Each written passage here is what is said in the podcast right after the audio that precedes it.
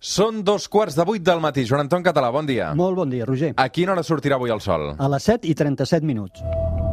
3, 2, 1, seganya!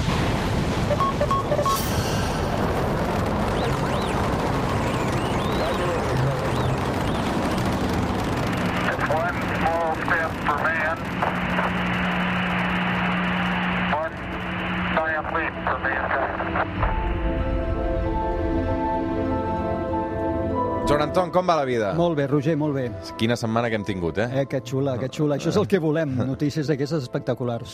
De seguida hi entrarem perquè avui dedicarem aquest capítol, evidentment, a Venus, eh, però el Joan Anton Català ja el coneixeu, és la veu científica del suplement, això és la Terra es plana, aquest espai de ciència, d'astronomia, que fem a l'hora que surt el sol, i tot just ha estat eh, arrencar el curs i topar-nos amb aquesta notícia. Científics semblen haver trobat una prova que podria obrir la porta a l'existència de vida a Venus. Això va de debò o no va de debò, Joan Sí, Anton? a veure- Perquè t'he sentit aquesta setmana Uh -huh. i dient una mica de sí però no, eh? Sí, bueno, jo sempre saps que sóc molt prudent, de, de mena, ja ho sóc, i també penso que davant d'aquestes notícies tan bombes s'ha de ser també molt prudent. Ara ho anirem explicant a poc a poc al llarg del programa, però així avanço que eh, s'ha de fer èmfasi en que no s'ha trobat vida. Això és molt important, no s'ha trobat vida. S'han trobat, com ara anirem veient, indicis que no es poden explicar eh, d'una forma normal, per entendre'ns, eh, i que poden fer sospitar de l'existència de microorganismes a l'atmosfera de Venus, però ben bé podrien ser producte d'altres coses. Molt bé, què s'ha trobat, per tant? Mira, un equip de científics de diferents nacionalitats, liderats per la Univers- Universitat de Cardiff, dilluns anuncien a les 5 de la tarda, i això va ser un anunci absolutament sorpresa, que a l'atmosfera eh, de Venus, els núvols alts que estan sobre uns 50-60 quilòmetres d'alçada, s'ha trobat un compost químic que es diu fosfà o fosfina, que és el mateix, eh, empra- emprant dos tecnologies diferents de detecció, dos telescopis diferents de detecció i, atenció, estan sota la pista. D'això des de l'any 2017, és a dir, han estat capaços de mantenir en secret eh, tot aquest tema durant aquests anys fins que, com et deia, dilluns passat l'anuncien per sorpresa, eh, sense que pràcticament hi hagués hagut filtracions. Què és el fosfà? La El fos- fosfina? Sí, el fosfà o fosfina és el mateix compost, és un compost molt simple. Els que vam anar a l'Insti i recordem les fórmules eh, químiques bàsiques, doncs aquest és molt similar al, a l'amoníac, que l'amoníac és eh, NH3, un àtom de nitrogen i 3 d'hidrogen, doncs el fosfina és el mateix però en un fòsfor, un pH3, un fòsfor eh, i tres àtoms d'hidrogen. El que té d'interessant la fosfina és que no pot sobreviure eh, en una atmosfera oxidant, és a dir, en una atmosfera d'un planeta que tingui oxigen o compostos similars a l'oxigen perquè de seguida es destrueix. De forma que eh, a la Terra, per exemple, el fosfà que s'ha detectat a l'atmosfera o bé és produït per l'acció humana, indústria, bàsicament, o, i aquesta és la cosa xula, eh, per, creiem, microorganismes que viuen en entorns anaeròbics, en entorns on no hi ha oxigen. Per exemple, un cas molt divertit és el, els intestins, sembla, dels pingüins. Allà sembla que hi ha una flora que produeix fosfina. Uh -huh. uh, per què el fet que hi hagi fosfà ens podria fer sospitar que hi ha vida a Venus? Clar, fixa't, i llavors, eh, molts científics consideren el fosfà com un biomarcador. Un biomarcador és aquell gas que, en condicions especials, quan es detecta en concentracions fora d'equilibri, que es diuen, és a dir, en concentracions sospitoses, poden fer, això, sospitar que hi pugui haver vida, perquè a la Terra, com has vist, el fosfà a l'atmosfera sempre està associat a vida, ja sigui indústria, per tant, vida, vida humana, vida civilitzada, o vida microbiana. I aquesta és la cosa, és dir, la detecció de concentracions importants de fosfina a l'atmosfera de Venus fa sospitar de que allà hi ha alguna cosa que podria estar relacionada amb la vida. Però tu ets escèptic, més, més que la resta, No, segurament. no, escèptic no, simplement sóc conservador, no al revés. Jo sóc el primer que... Sí, que no, la il·lusió- la il·lusió la tenim tots, no? Però- Soc superil·lusionant, ja em coneixes. Però sempre dic pas a pas, perquè és molt fàcil aquí fer el titular. És molt fàcil. Detectar de vida a Venus. Mm. Possibilitat de vida a Venus. Vale, vale, tant de bo. Què més voldríem? Ara s'ha d'anar a poc a poc. Aquest gas, aquest fosfà, com es detecta? Es detecta com quasi totes les coses en atmosferes llunyanes, s'ha de det- detectar indirectament, és a dir, no hi hem anat allà a agafar mostres del gas, i llavors el que fem és analitzar la llum de Venus, que recordem que és llum del Sol rebotada per Venus, i aquesta llum porta com un codi de barres, mai més ben dit, que és l'empremta de tots els elements i compostos químics que aquesta llum ha travessat per arribar a la Terra. I és a través de l'anàlisi d'aquesta llum i d'aquests codis, la interpretació dels codis de barra, que es pot detectar amb molta dificultat, haig de dir, eh, fosfina a l'atmosfera de Venus. Som al suplement, som a Catalunya Ràdio, això és la Terra Esplana amb el Joan Anton Català, avui parlant d'aquesta possibilitat de vida a Venus, d'aquest fosfà trobat. Escolta'm, una cosa que he llegit aquests dies i que no entenc.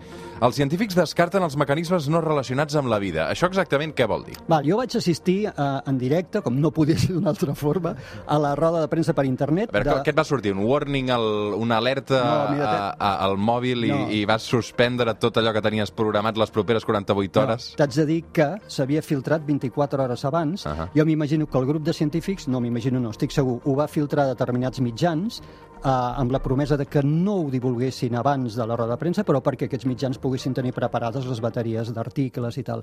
I va haver algú que ho va colar, immediatament ho van, es- ho van esborrar dels webs, però ja va quedar filtrat. Per tant, jo ja sabia des de feia 24 hores aproximadament que s'estava movent una cosa, s'estava coent una cosa molt, molt, molt, molt gran. De forma vaig estar pendent tot el dilluns, vaig veure que hi havia roda de premsa a Londres a les 5 i vaig dir... eh, Bloquegeu-me tota l'agenda. sisplau. I de fet sí, si és veritat, tenia, sí que és veritat que tenia una videoconferència en un, en un amic, no em va ser difícil canviar-la. Escolta'm, els científics descarten els mecanismes no relacionats amb la Sí. vida. Explica'm què vol dir això, que encara no... Ho vaig sentir això en primera persona a la roda de premsa i ells, i després em vaig llegir el paper, l'article científic. Ells diuen hi ha mecanismes químics que poden eh, produir fosfà, n'hi ha. El que passa que ells diuen que els han de descartat tots. És a dir, que quan han fet les simulacions d'aquests mecanismes no relacionats amb la vida, n'anomenem abiòtics, no relacionats amb la vida, els han descartat tots. Per exemple, activitat volcànica, eh, l'efecte de rajos ultraviolats del Sol a l'atmosfera alta de Venus, el fet de que la fosfina hagués pogut ser portada per asteroides o cometes. Tot això ells ho han simulat, però no els hi quadren les xifres. Perquè et facis una idea, ells estan anunciant una concentració de fosfina, que ara veuràs que és ridículament petita, 20 parts per miler de milió, i dius, ala, que petita, però quan ho compares amb la de la Terra, la, la de la Terra és unes quantes parts per bilió. Per tant, és molt més elevada la, la quantitat que s'està detectant a Venus. I això no els quadra amb les fonts aquestes abiòtiques. Per això diuen amb molta precaució, ells són també conservadors, però diuen el que és. Diu, nosaltres hem simulat totes les formes no relacionades amb la vida i no ens enquadra cap. I aquí està, no? De quins fenòmens estaríem parlant exactament, Joan Anton? Per exemple, eh, l'acció volcànica. L'acció volcànica, que a la Terra existeix, a Venus és intensa, podria, eh, amb un mecanisme que no acabaríem d'entendre, però podria renovar la fosfina a l'atmosfera. Com et deia, també podria ser acció de rajos ultraviolats a l'atmosfera alta eh, de, de Venus. Hi ha qui ha dit, per exemple, ah, és que a Júpiter i a Saturn també n'hem detectat i ningú està posant-se les mans al cap. Però, clar, són atmosferes completament diferents i on es produeixen fenòmens absolutament diferents. Com et deia, també eh, podrien ser portats per objectes eh, de fora de Venus, asteroides, cometes. Tot això ells diuen que ho han, ho han descartat. Per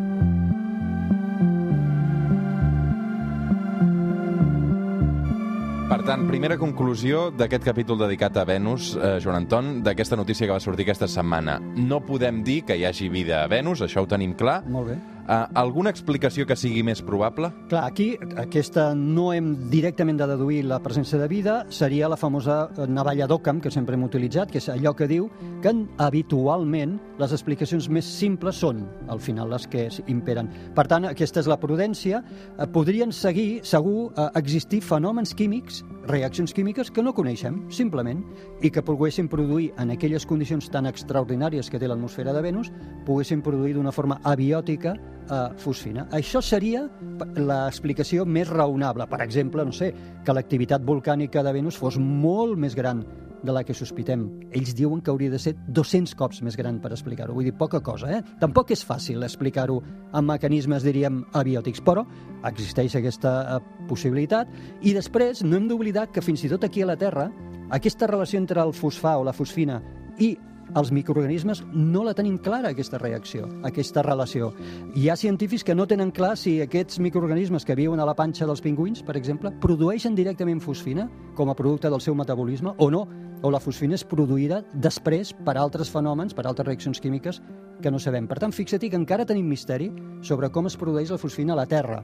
Què vol dir això? Que deduir directament que per haver detectat fosfina a Venus hi ha vida és molt prematur, Mhm. molt prematur. Com de lluny està Venus de la Terra? Venus depèn de la, del moment, però quan està a prop està a uns 40 milions de quilòmetres. Bueno, és, és molt a prop pel que són les distàncies planetàries. Eh? Un viatge de quants... Eh, A veure, jo calculo, normalment no s'hi va directe. Eh? Si les sondes que enviem a fas Venus... alguna parada alguna estació de servei, no? Bueno, fas alguna volta a la Terra, t'acceleres i vas cap a Venus. A lo millor un viatge a Venus poden ser un any i mig o, o dos anys. Eh, Si hipotèticament parléssim de vida a Venus, hipotèticament, com ens l'hauríem d'imaginar, aquesta vida? Que hauria de ser molt, molt, molt diferent a la de la Terra, i això també els científics ho van dir, perquè l'atmosfera de Venus, a part de ser tremenda en moltes condicions, té àcid sulfúric en suspensió i, a més, en concentracions importants. És cert que aquests núvols alts on podria haver-hi vida eh, ja estan a temperatures més normals per nosaltres, sobre uns 30 graus, eh, en lloc dels 440 graus que està a la superfície, però hi ha àcid sulfúric. Cap proteïna, cap aminoàcid de la Terra suporta a l'estar en mínim contacte amb l'àcid sulfúric, simplement es crema. Què vol dir? Que l'estil, el model de vida, en cas d'existir-hi, hauria de ser completament diferent. Hauria de ser un model de vida capaç de, de sobreviure, de conviure amb l'àcid sulfúric i, per tant, totalment diferent al que tenim aquí. Clar, Joan Anton, ens va sorprendre una mica la notícia, eh, sobretot que fos Venus, no? Perquè, és a dir, la il·lusió de trobar vida normalment eh, és a mar, no? Exacte, exacte. És a dir, tu fixa't, és com tenir una, una filera de candidats. El primer és Mart, que està allà superprotagonista, ja saps que en parlem molt, jo sóc un enamorat de Mart. Després tenim Europa, un satèl·lit de Júpiter. Després tenim Tità, un satèl·lit de Saturn. Després tenim Encèlad, un altre satèl·lit de Saturn. I en, aquesta filera Venus no hi era, no hi era. I l'hem descuidat completament. Carl Sagan, ja a meitat del segle passat, deia «Ei, no descuideu Venus». I ell mateix deia «I els núvols alts de Venus, què hi podria haver-hi? Per què no anem i mirem? Bé, eh, doncs no, no ho hem fet. Els únics que s'han preocupat per l'exploració de Venus són els, els russos, amb un programa espectacular que va funcionar durant molts anys, que es deia el Venera, que van tenir naus que enviaven satèl·lits, que enviaven orbitant Venus i també algun aterrant sobre la superfície de Venus. Però és que allò és un infern. És dir, la superfície de Venus, ara ho deia, 440 graus. És increïble. Una pressió atmosfèrica 92 cops superior a la de la Terra. Per això havíem descartat Venus i preferíem Mart, que és un entorn molt més amigable. Joan Antoni, precisament a, a Mart, que hi continuem buscant vida i sabem que hi ha aigua congelada, no? si més sí, no, exacte. uh, un fenomen com aquest, uh, un fosfà, hi ha aparegut a Mart? No, no. Tenim, per exemple, de la, la detecció de metà, que torna a ser un compost molt similar en aquests que dèiem. És a dir, el, el, que ha, el que ha passat ara a Venus és el més a prop que hem estat um, els humans de trobar vida més enllà de la Terra? Aquesta és una pregunta que eh, vull contestar-la sent molt clar. Per mi, sí, però sempre en aquesta precaució que deia al començament. Això no vol dir que sigui eh, prova eh, suficient, ni moltíssim menys, però jo penso que és de totes les deteccions que hem fet la que fa sospitar una miqueta més, perquè, eh, com et deia, a Mart tindríem la detecció de matar, però és una detecció, també és un gas biomarcador, podria ser un gas biomarcador, però és una detecció que no ha estat clara a Mart, no ha estat clara, és molt petita i el matar sí que pot estar directament relacionats amb processos abiòtics com a activitat geològica. Per tant, de totes les descobertes que portem fins al moment, per mi aquesta és la més sospitosa. Després pot quedar amb res, eh? Quan enviem una nau, ara el que toca és enviar naus per analitzar realment aquests núvols i què hi ha en aquests núvols. I podria quedar amb res, però aquí està. Mm. Molt bé, a què hi tenim, a banda de matar? A, a, a, a Mart hi tenim una, una legió d'equips. En aquest moment hi tenim un robot viu, el Curiosity, una sonda en superfície, no li dic robot perquè no es mou, la InSight, sis satèl·lits orbitant, tres de la NASA, dos europeus i un indi, dos robots anant cap allà, un xinès i un americà, un altre satèl·lit anant cap allà dels Emirats Àrabs. Imagina't, tota una legió d'equips a Mart. Què hi tenim a Venus? Una sonda japonesa, la Katsuki. Fixa-t'hi la diferència, quin desequilibri més bèstia. Venus està més a prop que Mart, eh? i tot i això, fixa-t'hi, per això que dèiem abans, perquè Mart sempre l'hem considerat un infern i, en canvi, l'entorn més amigable de, de Mart, amb aigua gelada i tot això, doncs ens, has- ens ha fet apostar per Mart. Mm -hmm. Joan Anton, i ara què? Uh, és a dir, s'ha fet aquest descobriment, uh, es posaran més recursos i més focus a Venus? Sí, jo, jo crec que les agències principals, espacials principals del món hauran de canviar prioritats, obligadament. Hauran de rescatar dissenys. Pensa que cada any en els pressupostos, quan es fan els pressupostos de la NASA o de l'ESA, els equips científics sotmeten al tribunal, li sotmeten projectes i d'aquests només passen alguns per un tema de pressupost. Sempre hi ha hagut projectes de Venus. Venus, i tots han caigut, sempre han anat caient, sempre han anat caient. Ara és possible que la propera revisió ja coli algun d'ells i fins i tot en puguin recuperar, perquè és que no podem no fer res, simplement no podem no fer res.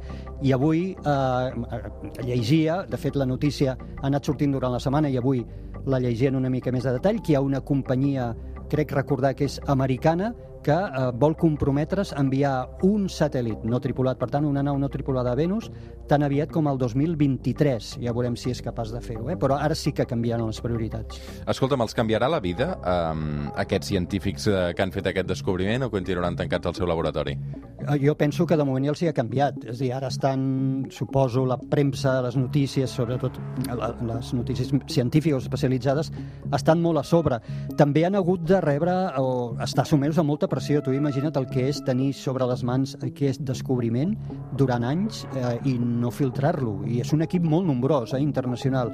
Jo penso que els canviarà una mica. També els podria canviar eh, a pitjor en el sentit de que si finalment això es demostrés que no és res, aquí t'hi has jugat també molta credibilitat, tot i que ells han estat molt curosos eh, i han dit no estem anunciant la detecció de vida. Però tot i això, en l'imaginari popular, ells hi han quedat relacionats amb una possible vida a Mars. Si finalment es, des es descobrís que no, això també eh, d'alguna forma els marca, no? Eh, vull dir que sí, sí que els canvia, sí. Uh, estem invertint, suposo, molts recursos a intentar trobar vida més enllà de la Terra. Això continuarà sent així i anirà més, no? Sí, sí, perquè molta gent m'ho pregunta, per què ens gastem dinerons? Primera, que no ens gastem tants dinerons. Jo sempre ho he comentat eh, i comparat amb eh, la despesa militar. No és res, això és que és, no res, són les, so les sobres, no?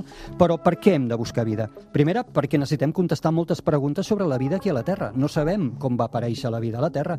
Eh, eh, trobar vida fora, ja sigui a Mart o a Venus, vida elemental, ens podria eh, explicar qui som. No sabem qui som. No sabem què fem aquí, Roger. I això la humanitat ho ha de contestar en algun moment. I a lo millor, mira, ho contestem a fora, perquè trobar vida a fora i analitzant aquesta vida i veient com de diferent o de similar és a la nostra, si està basada en aminoàcids, si té ADN, etc, ens pot donar moltíssimes pistes per entendre qui som. Ara, en el moment en què la resposta sigui que sí, que hi ha vida més enllà de la Terra, obrim una carpeta aquí i Brutal. canvia molts esquemes, eh? Total, jo sempre ho he dit, sí, eh, de totes formes una cosa és el descobriment de vida elemental, com estem parlant ara, que ja seria la bomba, eh? seria el descobriment de la història de la humanitat, sens dubte. L'altre seria que demà ens arribés un senyal de vida intel·ligent. Això sí que seria la revolució. Perquè si, el tema microbià, el tema de la vida elemental, com et deia, serà, serà un, una bomba, però no crec que ens produeixi una revolució en el pensament, amb l'economia, Sí, amb clar, la si tenim cultura... una altra civilització allà dalt... Clar, sí, llavors sí. Ara, un senyal imagina't. de vida intel·ligent com... Va, podria arribar demà. Jo sempre dic, eh? Jo m'imagino l'univers immens com un oceà on hi ha ampolles de nàufrags amb missatges. Mm. Potser demà arribarà una ampolla a les nostres platges i aquell dia serem contestats. Aquell dia. I tu imagina't un senyal que és inequívocament. Aquí no caldrà anar a remenar la sorra de Mart o a analitzar els núvols de Venus. No caldrà. Només analitzant el senyal sabrem si és natural o és, diríem, eh, civilització. Tu imagina la revolució que això significarà del pensament, de tot, de l'economia, de la cultura, de la religió, de tot. Això ens canvia. No sé si estem preparats, jo sempre ho dic, eh? No sé si estem preparats. Potser prendrem a mirar-nos menys el malic, no? Ah, sí, sí, clar, la lliçó d'humilitat és brutal. De fet, molts científics pensem que la vida, almenys elemental, ha de ser segurament freqüent, eh? Probable, això també ho creia el Carl Sagan, ha de ser freqüent. Creiem que podria ser freqüent. Tu imagina que la detectem a Mart, que la detectem a Venus, dius, ostres, 3 de 3, no? Tu tens esperança? Total. De veure-ho, eh, dic. Sí, sí, sí, sí, sí, sí, sí.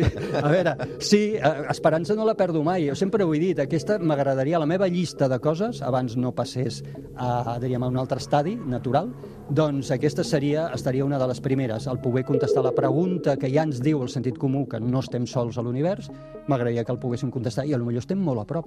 Tu què creus que hi ha en el següent estadi, si és que hi ha alguna cosa? Re, el següent estadi és que jo visc en aquí de préstec de la natura, estic fet per àtoms que s'han format a les estrelles, la natura me'ls ha prestat i ha fet en mi, igual que amb tu, un experiment extraordinari que ens ha donat vida i consciència i quan acabem retornem aquests àtoms a la natura, retornem el préstec perquè la natura en aquests àtoms farà altres coses, farà arbres, pedres, papallones o vés a saber què i vés a saber a on. Per tant, la qüestió, això és trist? Per mi no, per mi no, perquè és extraordinari això. Quan ho penses, dius, ostres, sóc producte de la feina de la natura i quan jo retorni els meus àtoms, com els retorno? Com qualsevol préstec, no? Els retornes amb interès o no? És dir, simplement retornes els, els àtoms i ja està? O vols deixar alguna cosa, com pot ser un record, en els teus, no? Costa més ser creient sent científic? Costa més ser creient sent científic? Eh, jo crec que sí. Jo crec que costa més, si ets científic, ser creient, tot i que n'hi ha, eh? i tinc amics que ho són, com ja t'he explicat alguna vegada, costa una mica més, perquè el raonament científic sempre vas a buscar el perquè de les coses, no? I, i sempre és un pensament de dir, potser avui no ho sé tot, de fet és que és així, i potser d'aquí uns anys podrem explicar coses que ara no podem explicar. Per tant, cada cop li queden menys racons a Déu per amagar-se, des del punt de vista científic. El que passa que jo sempre dic no s'ha de discutir perquè la fe i la ciència parlen idiomes diferents, són idiomes diferents, són compatibles simplement perquè són com dimensions diferents. Joan Anton, hem d'anar acabant. Uh, què hi passarà? Interessantíssim, eh, el capítol d'avui, uh, sens dubte per recuperar i per guardar la vitrina, uh, dedicat a Venus. Què hi passarà aquesta setmana al cel si aixequem el cap? Doncs mira, la primera cosa que vull dir és que dimarts entrem a la tardor, a les 15.31, és l'equinoxi de tardor, que vol Oh, dir que... mandra. Ah, Bueno, mira, dura igual dia i nit, el sol surt i es pon per l'est i per l'oest, i ja, bueno, ja ho sabem, això és l'equinoxi És de tardor. l'estació que menys suporto. Ah, sí? No m'agrada la tardor. A mi sí, mira, a mi sí. Bueno, a mi és que m'agraden totes. vale, i llavors, uh, en el cel tenim protagonisme de Venus a primera hora, justament a primera hora del matí, sobre l'horitzó est, abans de la sortida del sol, brillant moltíssim, i aquest dijous, a primera hora de la nit, la lluna creixent la tindrem al costat del brillantíssim Júpiter i divendres visitarà a Saturn. Per tant, ja veus, el cel no para mai i només cal aixecar la vista. Fantàstic, Joan Anton. Una abraçada. Igualment, gràcies, Roger. Ara tornem.